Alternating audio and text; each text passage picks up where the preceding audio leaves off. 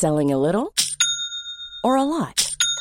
Shopify helps you do your thing however you cha-ching. Shopify is the global commerce platform that helps you sell at every stage of your business. From the launch your online shop stage to the first real life store stage, all the way to the did we just hit a million orders stage. Shopify is there to help you grow. Shopify helps you turn browsers into buyers with the internet's best converting checkout. 36% better on average compared to other leading commerce platforms because businesses that grow grow with Shopify. Get a $1 per month trial period at shopify.com/work. shopify.com/work.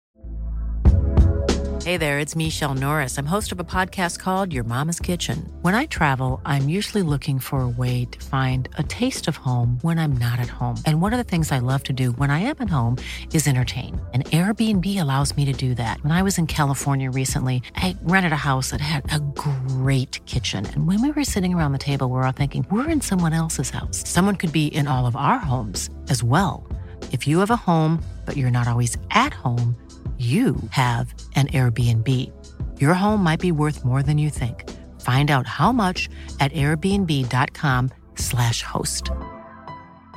Mom deserves the best, and there's no better place to shop for Mother's Day than Whole Foods Market. They're your destination for unbeatable savings, from premium gifts to show-stopping flowers and irresistible desserts. Start by saving 33% with Prime on all body care and candles. Then get a 15-stem bunch of tulips for just $9.99 each with Prime. Round out Mom's menu with festive rosé, irresistible berry chantilly cake, and more special treats. Come celebrate Mother's Day at Whole Foods Market.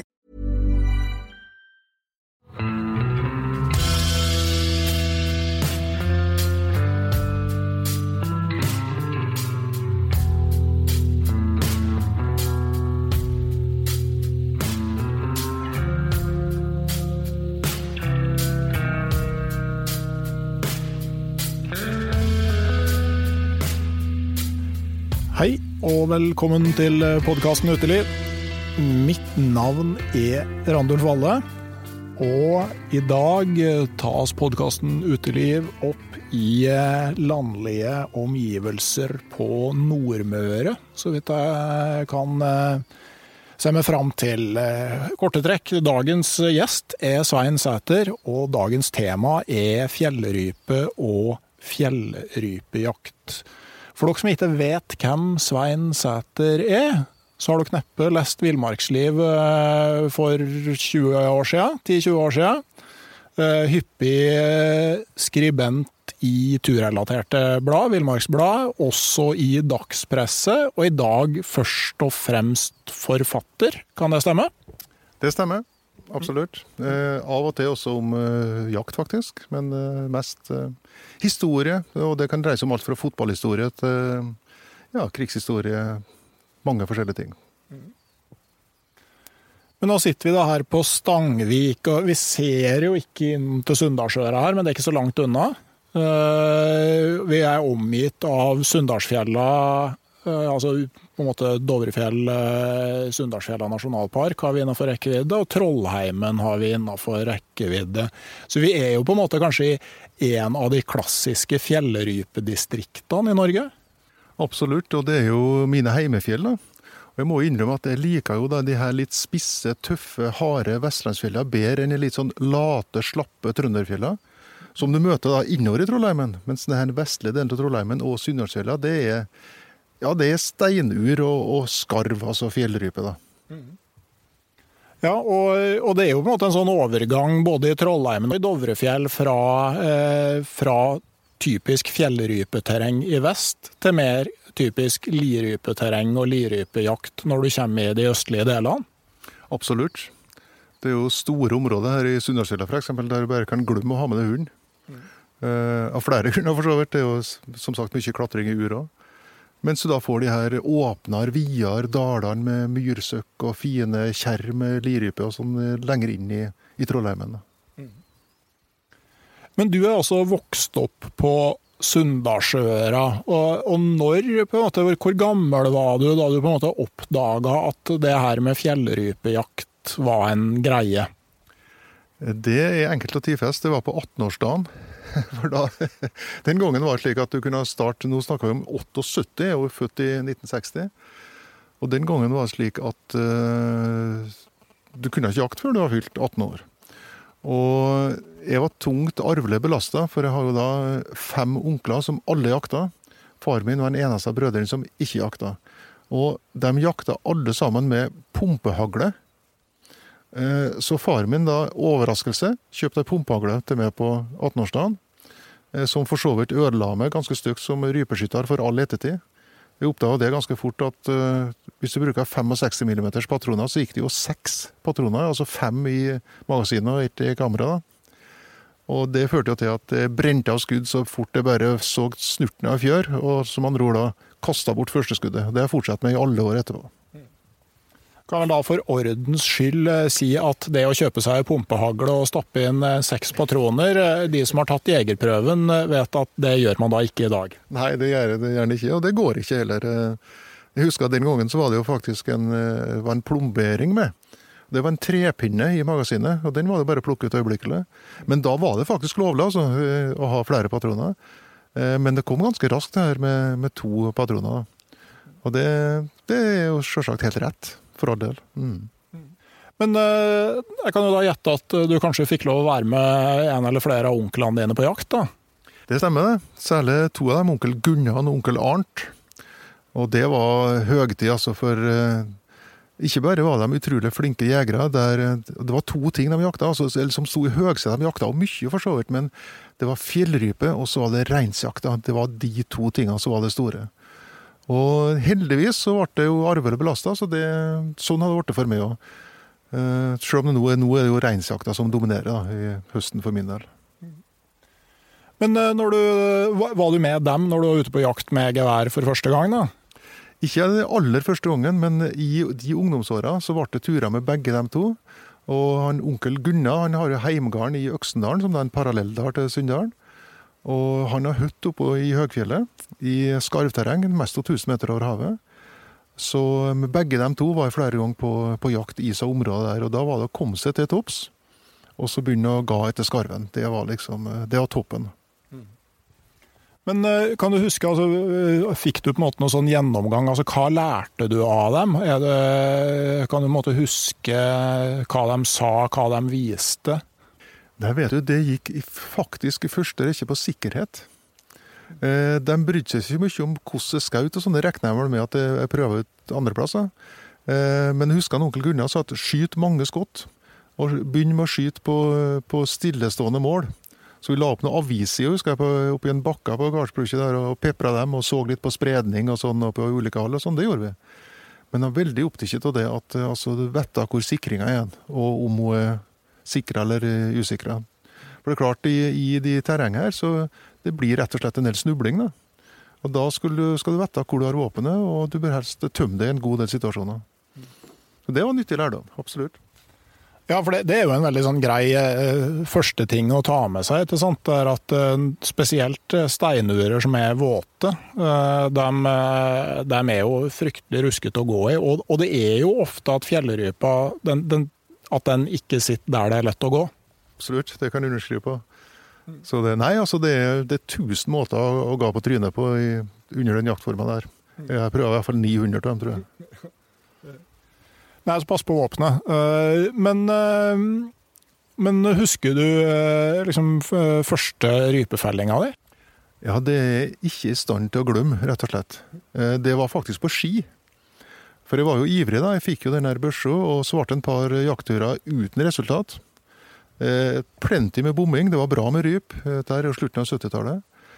Eh, og så skulle vi da ut på en eh, Jeg og faren min skulle ut på en, eh, en jakttur på ski, da. Da var det jo, bruka vi langrennsski i høgfjellet òg. Eh, inn til ei hytte oppe i Øksnasfjella.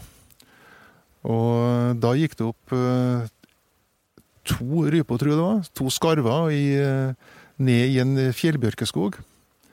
Og jeg rakk å skyte ett skudd, og så syntes jeg så tydelig at den ene datt, men jeg var slett ikke sikker.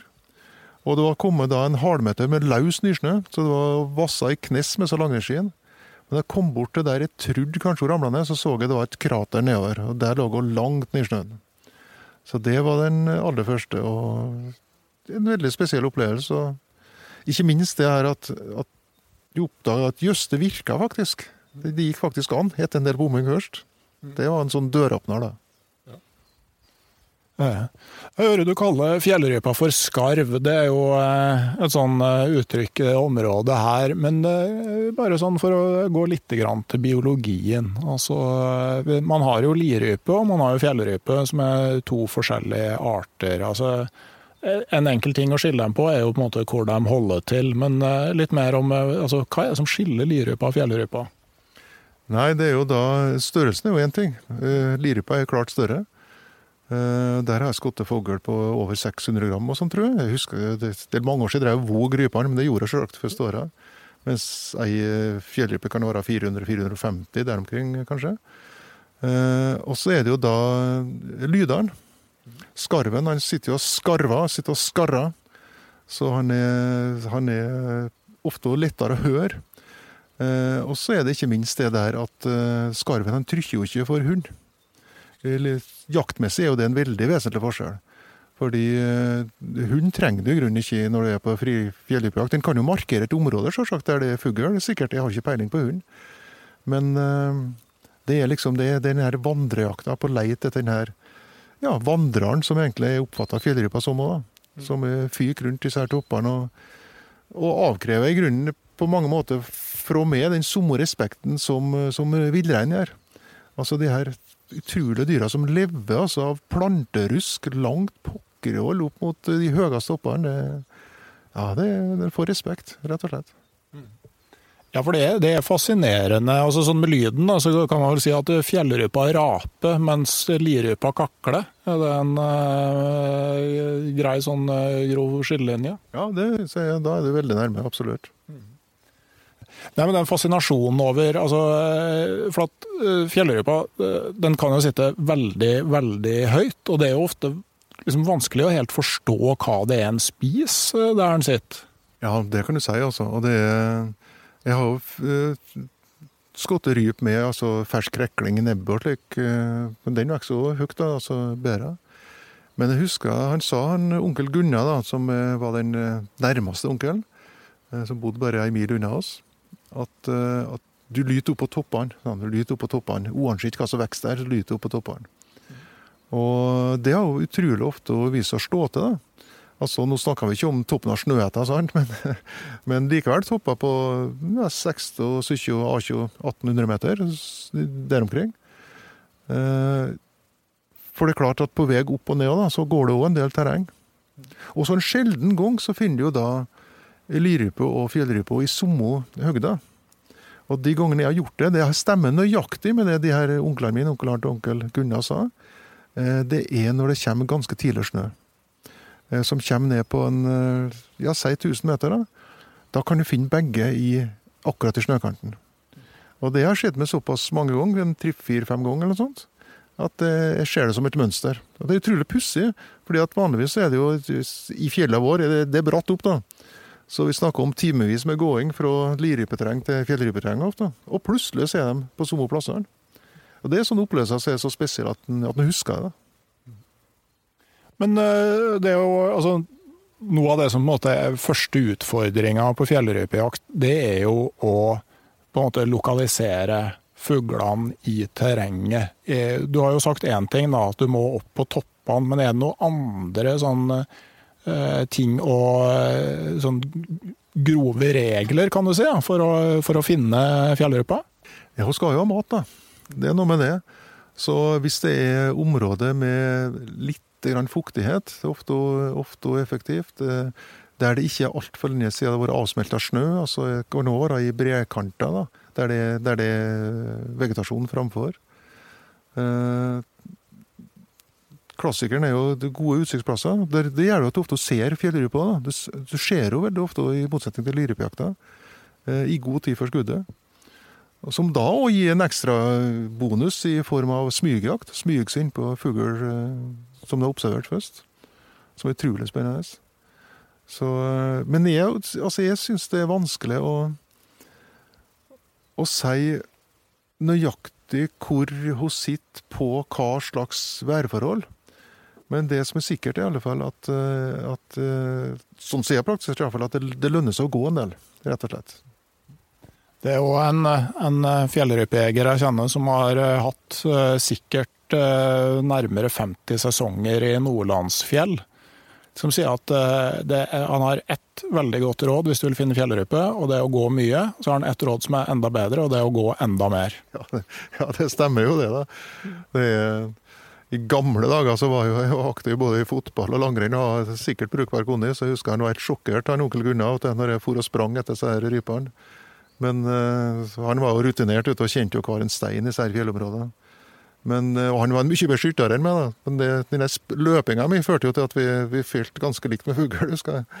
Så det var Jeg hørte annet i Nordland der at blant de lokale så var det sånn at de, de tok én dag til fjells for å skaffe ryper. Eh, og da det, skulle de gjerne ha fylt en ganske stor sekk. Og da var, de hadde en sånn forståelse at du skulle ikke spise og du skulle ikke drikke i løpet av dagen, for da blei du slapp. Eh, har du med mat og drikke? Ja, ja det her er jo selvfølgelig bare tullprat. Det var, men det minner meg om mitt store idol fra ungdommen av, nemlig da Abebe Bikila fra Etiopia. Den første afrikaneren som vant OL-gull på maraton i 1960, tolv dager sju timer før jeg ble født.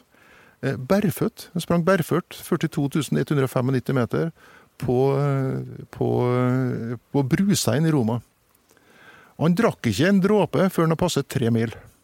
Og det er jo selvsagt, altså, Hvis du hører om en maratonløper skjer noe sånt i dag, så begynner du å tro at du splitter pine gal. Men kanskje det er et eller annet med at han har fått for seg at det er sånn, så er kroppen innstilt på det. Jeg har jo opplevd folk som bor i ørkenstrøk som lever nesten uten vann.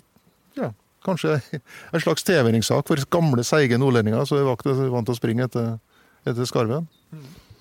Ja, hvis, du, hvis, du var, hvis det ble liksom for ille, så kunne du skjære deg en bjørkekvist og sutte på. Det var det som var lov. Ja, ja hør der. Det er akkurat samme i Etiopia. Bortsett fra der er det ikke, da, er det ikke bjørk, men det er sånn Hva heter det for noe? Den her er eh, Som vokser som ugras.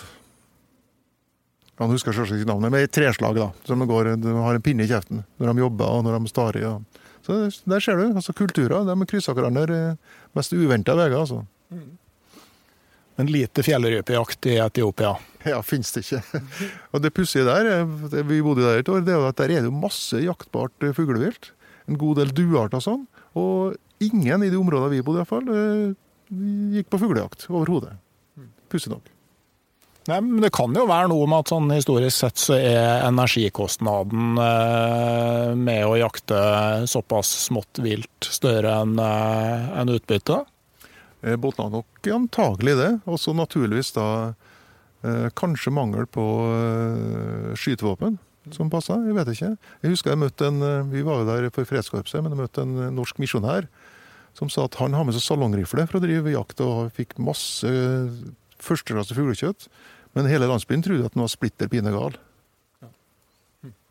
Fascinerende det der med, med kultur, da. Men, men sånn sett òg, da. Altså, eh, lirypejakta, eh, den er jo på en måte prega eh, av en del briter som var i Norge og dreiv sportsjakt med hund på lirype. Gjerne fra Hesteryggen, der jeg kommer fra, i Gausdal.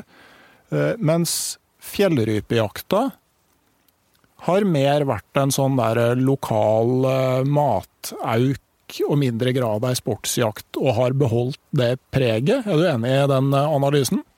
Ja, langt på vei så er jeg det, altså. For det er var det at uh, Vi skal ikke så langt tilbake i tid før uh, fjellrypa og, og viltet generelt var utrolig viktig kosttilskudd.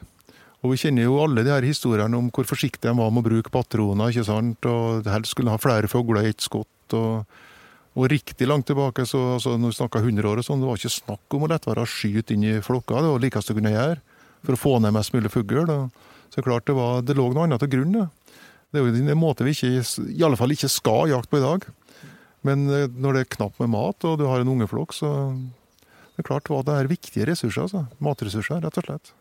Ja, så var det vel òg viktig salgsvare etter hvert. Eh, det går an å høre det ligger en, I første sesongen av podkasten Uteliv så er det en eh, podkast med Jens Kvernmo hvor han snakker på at eh, det er noen av, om det var noen gamleonkler, det husker jeg ikke helt, men de hadde jakta rype hele livet uten noen gang å smake rype. Ja, ja det er spesielt. Mm. Men Ellers var det jo salgsvaren her omkring. Det var jo laks. Her har du Driva, her har du Surna og flere mindre elver med enormt mye laks. Både da som levert til hotellet Kristiansund og så videre, og til, og til eh, direktesalg. da. Og gjennom engelskmenn som kom hit på, på, som laksefiskere om, om sommeren. Pluss at eh, hvis du først snakker om salgsvaret, så er det klart eh, Røyskattfangsten har òg her ei, viktig historie. da. Der kunne de jo ta inn dem som gjorde det godt. Tok jo langt mer enn de har i utbytte fra gardsbruket. Hermelin, er det vel det heter på fint? Det er det, vet du. Kongelig plagg. Konga, dronninga, hermelin. Ja. Du skjønner jo når du ser en røyskatt at det ligger litt arbeid bak ei diger kongekappe lagd av røyskattskinn. Ja, du, du, kan jo begynne å rekke den i svarte haletippene i ei stor eh, røyskattkappe, så forstår du at her er det mange dyr. Ja, Nå har ikke jeg så mange sånne røyskattkapper hjemme i skapet, altså, eh, men, men, jeg tar det på ditt ord. Men, eh, men, sånn med altså, dem som jakter rype, lirype med hund, så skal du jo la hunden reise rypa, og så skal du skyte fuglen i, i, lufta. Er du nøye på å skremme opp fjellrypa før du skyter? Nei, absolutt ikke. Og Det syns jeg er noe stort tullball. fordi det er klart vår første plikt som jegere det er å avfyre gode og drepende skudd. Eh, og det er klart at eh, er jo i sin natur en jaktform der risikoen for skadeskyting er langt større enn f.eks. Eh, kanskje motsatsen, nemlig reinsjakta, der alt foregår utrolig kontrollert så lenge du holder hodet kaldt. Så jeg, jeg, jeg jager ikke opp ei rype for at det skal bli mer sportslig form å skyte henne. Min plikt er jo også at den ikke skal bli skadeskutt. At det skal felle om et godt skudd. Det, overskygger alt sånn tullprat om sport og slik, syns jeg. Men sånn med, med skuddhold på, eh, på rype, hva, hva, tenker du er akseptabelt skuddhold? Nei, sjøl er jeg temmelig konservativ på det området. Så jeg skyter ikke utover en lett å si 25-30 meter. da. Eh, det er klart det at på enkelte dager så Og under spesielle værforhold, ved vind f.eks., så er det utrolig lett å, å undervurdere avstanden. Det skjer jo. Men eh, nei, altså det Og særlig iallfall de tidlige jakta, da. Så er, det, så er det ofte du får jo fjellrypa på veldig kort hold og kan jo flyge opp i føttene på det. Eh, Sjøl om hun ikke har noe kratt å gjemme seg sånn som, som lirypa har. Så eh, nei, jeg, jeg er en forsiktig mann der. Jeg går ikke med trangbora børste og skyter på 50 meter, nei. Nei. Men uh, har du med kikkert når du er på fjellrypejakt? Ja, det har jeg, men jeg har nesten alle bruker den. Husker vi, Da vi var ungdommer, vi var jo flere gutter som begynte å jakte omtrent samtidig, kompiser. Og det husker jeg var veldig viktig skaffe seg en god kikkert. Eh, og sitte der og se etter ryphauger som stikker opp. Og, men jeg vet ikke om det har blitt for mye pesing opp og ned så her bratte urenår. Men iallfall eh, min erfaring da, er at eh, eh, som regel så skjer det eh, fjellrypa godt uten kikkert. altså Oppdaga fugl uten kikkert. Kan godt hende det lønner seg å bruke den, men, men, der er det i hvert fall en, en skjærende kontrast til det med, med reinsjakta. Der, eh, der, du har utrolig store områder du skal se over. Da må du ha en virkelig kvalitetskikkert. Mens på fjellrypa så er det mye tettere innpå. Så det er sikkert en vanesak, men kikkerten ligger bestandig i sekken, og jeg bruker den lite. Mm -hmm. Jeg har jakta litt med folk som har militær bakgrunn, og de minner meg stadig på det at når du, når du på er på alerten og går med våpenet klart, så det viktigste er å holde oversikt over det terrenget som er nærmest deg. Ja, ja, ja. ja. Nei, og det, altså den her, og Fjellrypejakta er jo i stor grad, altså som støkkjakt, er jo i stor grad ei, ei impulsjakt. Og, Utfordringen er jo da å styre impulsen, naturligvis. Og ikke som jeg, som nevnt, altså fikk eh, pumpehagl i A20-årspresang. Jeg har utvikla en altfor kjapp impuls.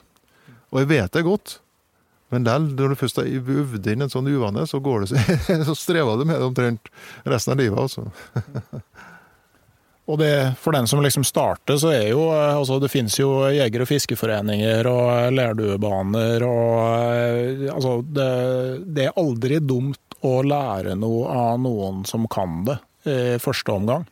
Absolutt. Og vi var jo, vi ungdommene som begynte i lag, vi har jo Den ene min han har jo da investert i leirduekasta sjøl, altså sånn som du spenner opp med springfjær. Så vi trena mye sammen, da, faktisk. I tillegg til at vi var på skytebanen noen ganger. Men det tilbudet der er nok mye bedre i dag. Det er det ikke tvil om, altså. Så det er det absolutt viktig å, å bruke. Ellers er det jo naturligvis bestandig ulike opplevelser av hvor vanskelig og hvor enkelt det er der. der. Jeg husker Anita, kona mi, hun var med Vi var blottende unge begge to. og møttes på landbruksskole. og Hun var med da oppe i høgfjellet Sunndalsfjella på rypejakt. Gikk ut fra hytta til onkelen min grytidlig om morgenen. og Gått 100 meter, så flyr det opp to skarver, og jeg skyter begge to. Og det var min første dublé. Min også hittil eneste dublé på fjellrype. Og hun tenkte ja ja, så enkelt var det, det ja. Men det er ikke sant, det er jo total Det er omtrent som å få en 20 kilos laks på første gang det er lakseelv. Det er ikke sånn hverdagen er, da. Du får sånne sjanser, og at det er heldig nok til å utnytte dem. da. Har du sånn helst gått alene eller eh, sammen med andre?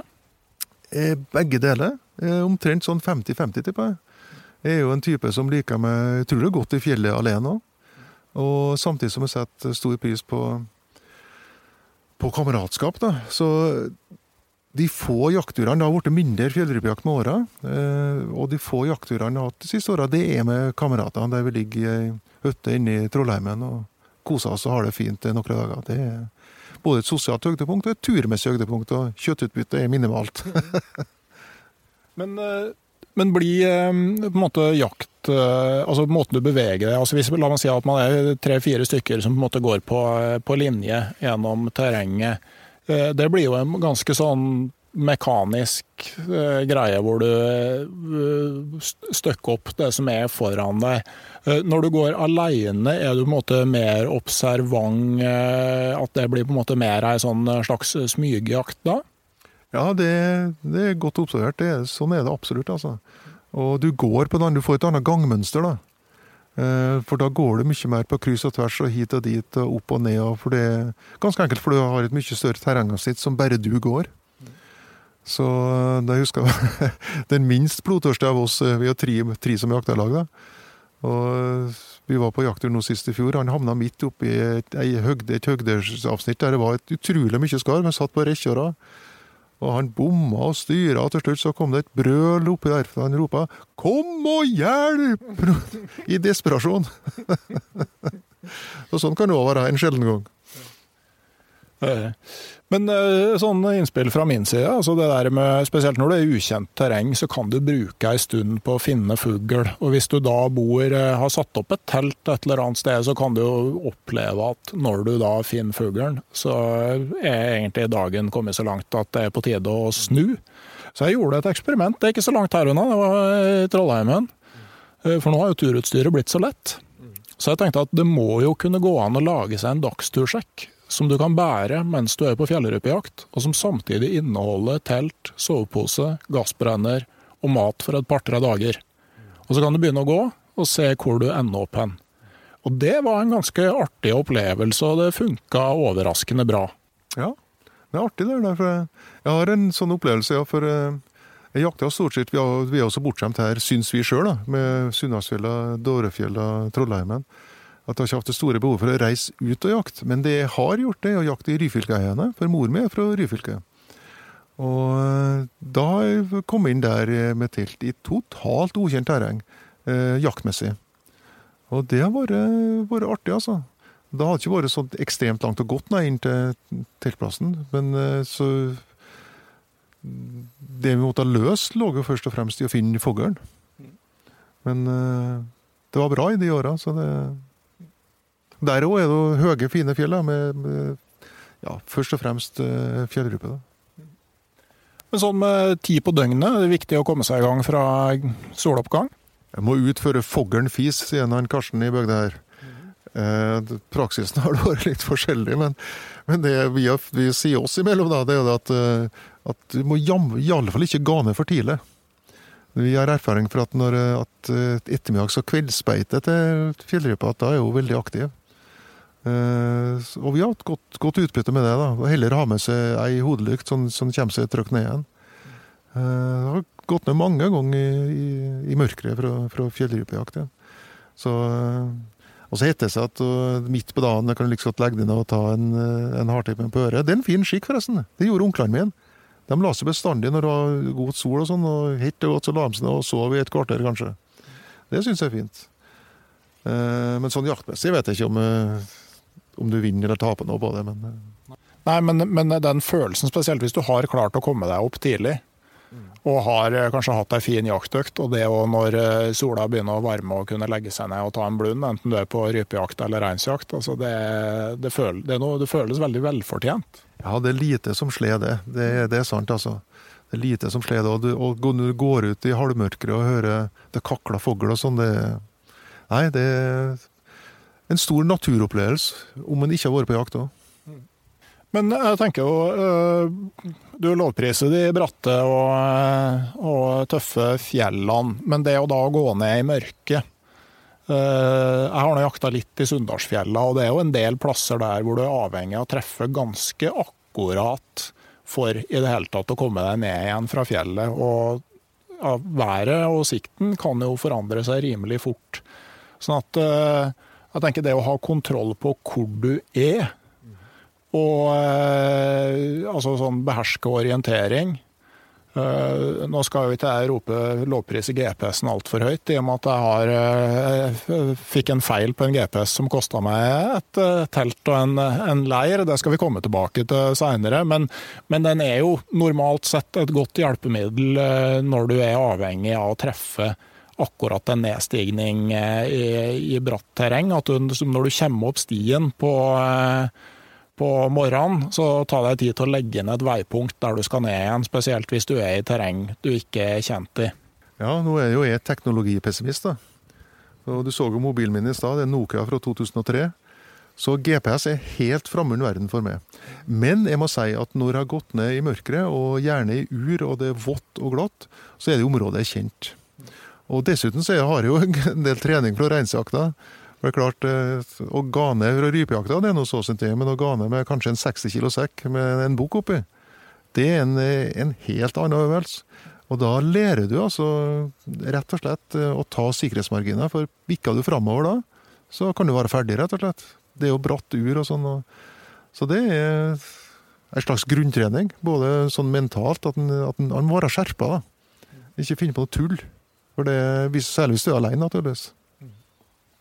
Far min er fra Romsdal, litt lenger sør, og han brukte alltid siste beskjeden jeg fikk før jeg skulle på tur, det var 'ikke noe gofsfere'. ja, godt uttrykk. Så det er sånn toskeskap da, som man eh, ikke skal begynne med. Men, eh, men uh, ellers, altså, hva har du i en dagstursjekk når du skal opp i fjellrypeterrenget? Du har ikke den GPS-en som jeg kanskje ville tatt med meg, men hva annet har du av klær og utstyr? Sjølsagt kart og kompass, da, sjøl om jeg er kjent der, absolutt. Jeg har gått i ring i, i terrenget lommekjent, så den leksa har jeg lært. Nei, altså, jeg har uh, enkel mat for en uh, dag. Det er rett og slett brødskive og rikelig med sjokolade. Uh, som regel ikke primus, men termos. Med sterk kakao. Sterkt undervurdert fjelldrikk. Fjellduken er med. Det har blitt en vane i ja, de siste kanskje 10-15 åra. Uh, og sjølsagt òg litt, litt tørt skifte, hvis det, hvis det skulle skje et eller annet. Hvis den skulle ramle i en bekk, eller, eller været slår om, eller et eller annet. Så det, sånn følelse Ja, marginene er sikre hele tida. Jeg tenker ikke sånn, jeg går ikke rundt og tenker sikkerhet, sikkerhet, sikkerhet. Jeg gjør ikke det, altså. Men det er uh, for eksempel godt undertøy. Det tar så lite plass og veier så lite at i en rypesekk så er det kurant å ha med. Men det er jo det du snakka om som du lærte av onklene dine òg, med å tenke sikkerhet sånn med våpen. Og vi har jo tidligere, for å referere til en annen episode her i podkasten, snakka om det med sånn sikkerhet og risikovurdering på tur. Og, og, det å tenke hva er sannsynligheten for at det her kan gå gærent, og hva er konsekvensen hvis det gjør det. Det er en sånn grei ting å legge seg på, på hjernebarken. Altså før du f.eks. prøver å hoppe over en bekk eller eh, gå over et vått sva eller sånne ting. Altså, hva er sannsynligheten for å skli, og hvor havner jeg hvis jeg sklir? Det er liksom eh, en sånn grei eh, ting som du Ja, så når du blir vant til det, så gjør du det etter hvert ganske automatisk. Og det øker jo muligheten for å få nyte fjellet i, i en, del, en, del, ekstra år, da. Eh, fjellduken er jo, den holder deg jo altså De sier jo i de isolerte fjelldukene så er det vel omtrent umulig å fryse i hjel. Ja, han svetta heller gjør det, tror jeg. Men det er et ganske ferskt eksempel på det der med altså, fare for å skli og den slags. Eh, da, det var rett nok for å på reinsjakt, men i Sommo Sunndalsfjella, inn mot Dårøyfjella, altså i nasjonalparken, Sunndalsfjell og Dårøyfjell eh, nasjonalpark, der vi er på vei ned han halvsteinet med, med en, en bukk i sekken vi har delt på to, og komme oss ned. og det her er ned mot Stegådalen, som er hengebratt ned fra da eh, Repdalstangen og det området der. altså Vi snakka nå vest for Snøhetta. Og for å komme ned Stegodalen så må du klatre en eh, vaier som er lagt ut. Mens eh, sekken sender du da Den ene kan da stå med et sånt, et sånt gangspill der som du, du henger sekken på en vaier og, og sender den nedover, og så er et juv med en foss i under det. Og det er, rett, det er et juv, altså, rett og slett. Og du kom dit, så været forandra seg totalt. Det var det pøsregna. Det var orkan i kasta. Det var sånn at vannet ble kasta oppover i den fossen. Og vi er så slitne at vi finner ut nei, farken heller, vi må prøve likevel. Så han Halstein klatrer ned den vaieren, og så står han, ser han langt under meg, kanskje 50-60 meter i luftlinje, og nesten i høydemeter òg. Så står han der og vurderer om han skal hoppe over elva. Og heldigvis så kikker han opp på meg, for jeg ser jo det at hvis han hopper nå, så er det iallfall 70 sjanse for at han er død om to sekunder. For eh, ja, han havna i elva der, så er det goodbye, altså. Så kikka han opp, da, så jeg fikk liksom gjort sånn avvergende og sånn strupesnittbevegelser, med, og da tok han til vettet, han og, og kom opp igjen. For da måtte vi nemlig 500 høydemeter opp igjen med, med en 50-60 kilo sekken. da, Og inn i et annet, komme oss over til en annen fjelldal for å komme ned. Og du kvier deg på det. Og det er nettopp der, der det er altså når, når en begynner å lure på om ja, kanskje det er risikoen verdt, eh, så er det ikke det, da. Og Der var det heldigvis åpenbart at vi tok til vettet, men eh, Nei, det er fort gjort. Ja. Nei, det, og det, det, er jo ikke som eh, Med den telefonen så er du ikke så bevandra i dataspill, men der eh, kan man jo prøve en gang til. I det virkelige liv så, så har du jo bare én sjanse til å vurdere sånt. Men eh, du snakka jo på at du skjøt første rypa di på ski, altså etter at snøen var kommet. Altså, har du drevet noe særlig med vinterjakt på fjellrype ellers? Nei, altså det var lett å si de første ti åra. Eh, så har jeg stor sjanse for det. Eh, men eh, det ble jo mindre fugl, da. Og det er klart det er bestandig en diskusjon om, om når bør jakta avsluttes. Altså, det var jo til 1. mars overalt, egentlig. Altså ut februar, de, de første åra i jakta. Og enkelte områder så er det vel det ennå. Men jeg konkluderte etter hvert med at den vinterfuglen skulle få være i fred, da.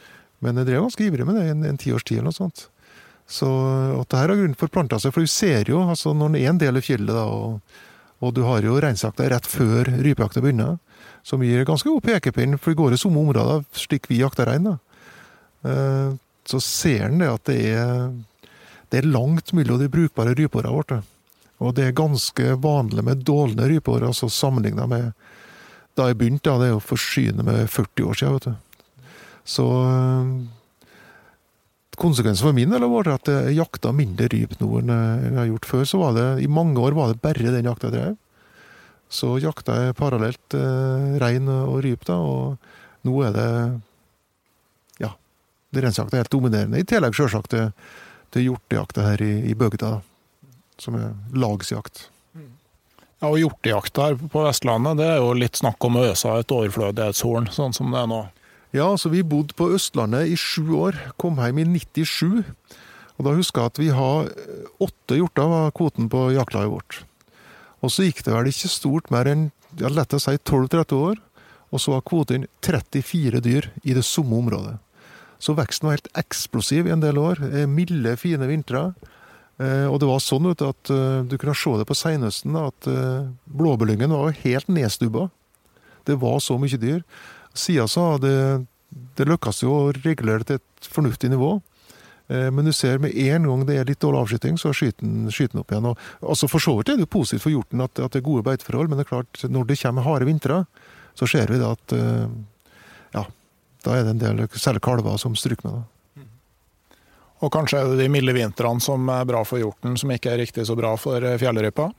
Ja, det kan godt være. Jeg har ikke sett meg så mye inn i det, men det, det er klart eh, Det er jo en del nedising og den slags problematikk knyttet både til fjellrypa og reinen, ikke minst. da. Vi så jo skremmende eksempel nå i det var Setesdalsheiene, der, der reinen kom helt ned til setegrendene for å prøve å finne et eller annet å spise. På grunn av at ja, mildværet gjorde at det ble skare og is over, over, over laven. Det er så klart store og kompliserte spørsmål, men det er jo i hvert fall uansett når og hvordan du jakter og ha et eh, visst eh, magemål, eh, er jo en grei, en grei regel. Har du blitt opplært til sånn f.eks. å ikke skyte for mange fra ett kull, f.eks.? Ja, altså det må jeg si at jeg tror de her onklene mine har litt mange måter forut for sin tid. Eh, de er opptatt av sånne ting. Og eh, de var jo så kjent, vet du, at eh, de visste jo sånn ganske nøyaktig hvor kulla var. Så jeg husker på en av de første turene mine, så sa han onkel Gunnar Gunnar er jo dialekt for Gunnar, det. Gunnar, heter det. Så sa han det at skal vi finne fugl her neste år, så, så er det nok nå. Vi skal hvert vår hver fugl til, til et kull. Og, og, det er en setning som jeg husker en dag i dag. altså. Det er det, det er det mye både fornuft og ja, God, god jegeroppførsel i, da. Jeg må jo innrømme at eh, for min del så er jo den der vinterjakta med rifle er eh, Det er jo det som jeg syns er den desidert morsomste rypejakta. Eh, delvis fordi jeg er ikke så glad i å jakte med hagle på høsten fordi jeg skyter for dårlig. sånn at jeg tenker at det fort blir for mye skadeskyting. Men jeg tenker da heller at la meg få ta to fjellryper på ei uke Eh, når jeg får være i vinterfjellet, og så skal jeg la dem være i fred resten av året. Ja, der, der, det er igjen teori og praksis. Det der har vi som jakta litt i lag. Da. Vi har snakka om da, siden vi var 20 år og begynte å jakte på at ja, man skal skyte inn ei salongbørs eller ei finkalibra rifle. og det, det, skal bli fin jakt. Men har vi gjort det? Nei, aldri. Jeg har faktisk tenkt å gjøre det, prøve det altså på, på, høsten, tidlig på høsten, eller spesielt litt lenger utover. Altså det, jeg kjøpte meg en sånn russisk enkeltskuddsrifle i kaliber 223. Eh, som kan herjes litt med og kan ligge og slenge en pulk uten at du trenger å skrape bladgull noe sted etterpå. Og eh, og den er en sånn fin følgesvenn til, til sånn, eh, sånn, eh, type jakt. Men eh, sånn utover høsten, da, altså merker du noe sånn endring i jakta, liksom hvis du sammenligner la oss si september og november? Ja, absolutt. Du får jo flokkinga, da. Og, og, ikke minst er det jo da en får de her rifleassosiasjonene. Når en blir liggende og se på skyr fjellryp og en flokk på kanskje 100 fugler som springer opp på en snøbre, og du innbiller at du skal greie å ta dem igjen. og når du sånn halvveis ser på Skottdal, så flyr alle.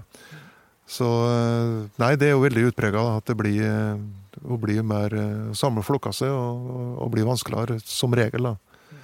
Eh, enkeltfugler og, og sånt kan bestandig finne på treffe på, naturligvis. Men det har blitt mer forsiktig her òg. Det er jo da med revirsteggen og sånne ting som en absolutt ikke brydde seg om i ungdomsåra, men som en er klar over nå. da. Så tenker litt på det. Ja. Kan du fortelle mer om den? Ja, altså Skyter den ut revirstegen, så kan du jo risikere at det er et, eh, et godt rypeområde som ikke får noe kull neste år. da. Så eh, vi eh, Med oss er det faktisk sånn at stadig oftere at vi ikke skyter på oppfløgde, på enkeltfugler. Sjøl om vi ikke er sikre på om det er, om det er en steg. da. hvor stor effekt og sånn der, det vet jeg ikke, men det, det føles som det er rett å gjøre. da. Det skal mye til at det har noen negative konsekvenser, eh, i hvert fall å unnlate å skyte. Og så har du jo det, det som kalles flekkejakt. Eh, når, eh, når, det ligger spredte snøflekker, kanskje har kommet et snøfall og så begynt å tine bort igjen. Skremmende effektivt, det er det stikkordet. Det er klart, det går jo fint på Mange tror at det gjelder først og fremst lirype, men det gjelder i høyeste grad skarven òg, altså. Og det kan være høyt.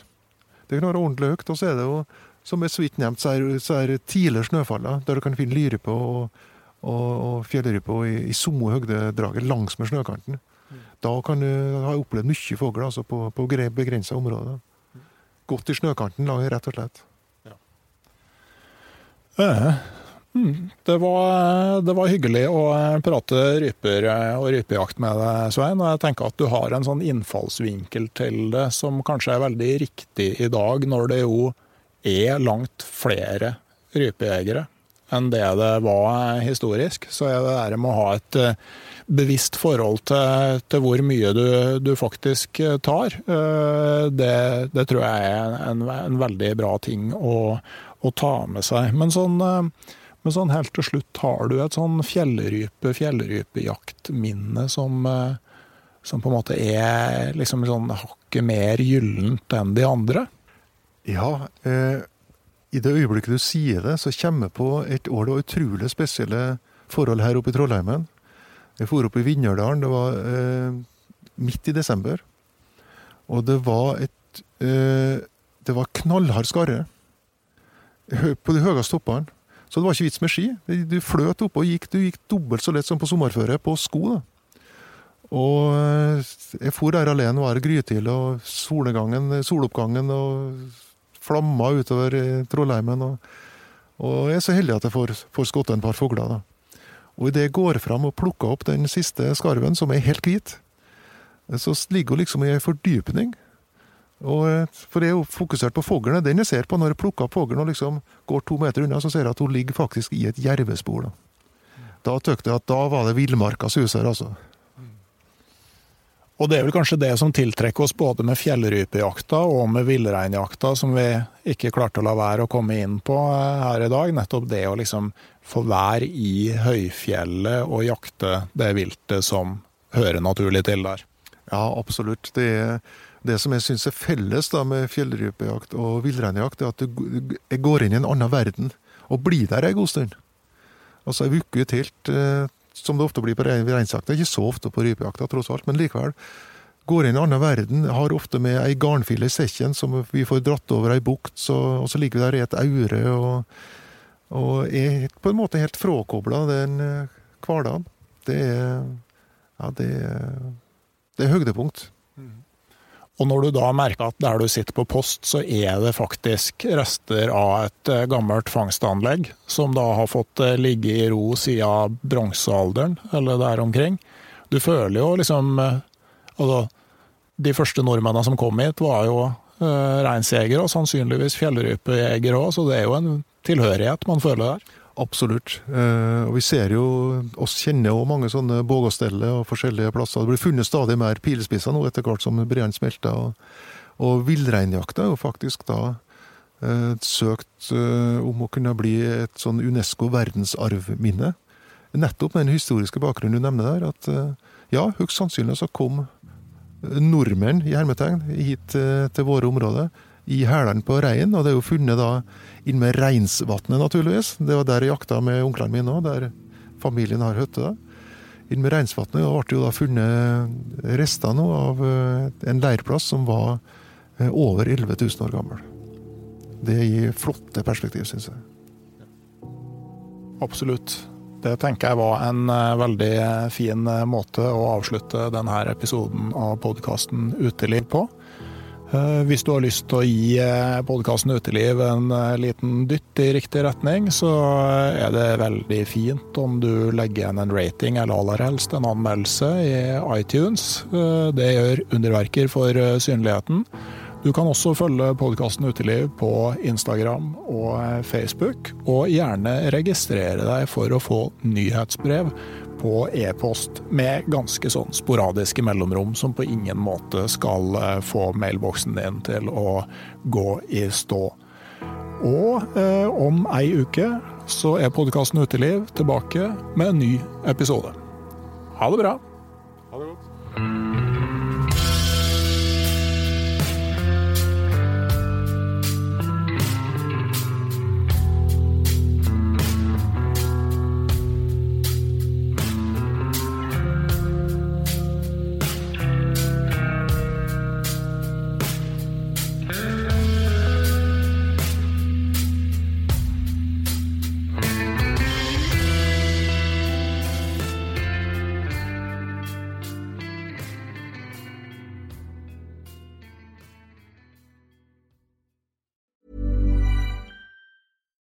Deserves the best, and there's no better place to shop for Mother's Day than Whole Foods Market. They're your destination for unbeatable savings, from premium gifts to show-stopping flowers and irresistible desserts. Start by saving 33% with Prime on all body care and candles. Then get a 15-stem bunch of tulips for just $9.99 each with Prime. Round out Mom's menu with festive rosé, irresistible berry chantilly cake, and more special treats. Come celebrate Mother's Day at Whole Foods Market. Planning for your next trip? Elevate your travel style with Quince. Quince has all the jet setting essentials you'll want for your next getaway, like European linen, premium luggage options, buttery soft Italian leather bags, and so much more. And it's all priced at 50 to 80% less than similar brands. Plus, Quince only works with factories that use safe and ethical manufacturing practices. Pack your bags with high-quality essentials you'll be wearing for vacations to come with Quince. Go to quince.com slash trip for free shipping and 365-day returns. Mom deserves the best, and there's no better place to shop for Mother's Day than Whole Foods Market. They're your destination for unbeatable savings, from premium gifts to show-stopping flowers and irresistible desserts. Start by saving 33% with Prime on all body care and candles. Then get a 15-stem bunch of tulips for just $9.99 each with Prime. Round out Mom's menu with festive rosé, irresistible berry chantilly cake, and more special treats. Come celebrate Mother's Day at Whole Foods Market. Hei, jeg heter Nore Helligsen og er daglig leder i Barents Outdoor. Det beste vi kan gjøre for planeten, er å redusere forbruket vårt og få mer ut av det utstyret vi allerede har. Men vi vet av erfaring at bruken av telt kan endre seg over tid. Det teltet du kjøpte for to år siden, passer kanskje ikke det behovet du har i dag. Derfor har vi i Barents etablert en egen panteordning der vi tar imot brukte telt av god kvalitet i innbytte når du kjøper et nytt av oss. Prosessen er enkel. På barentsoutdoor.no gir det oss informasjon om teltet du vil bytte inn. Basert på det får du et tilbud fra oss som gir deg rabatt på ditt neste Barents-produkt. Mer info og betingelser finner du på barentsoutdoor.no. Og husk at den første reparasjonen på produkter fra Barents er alltid gratis.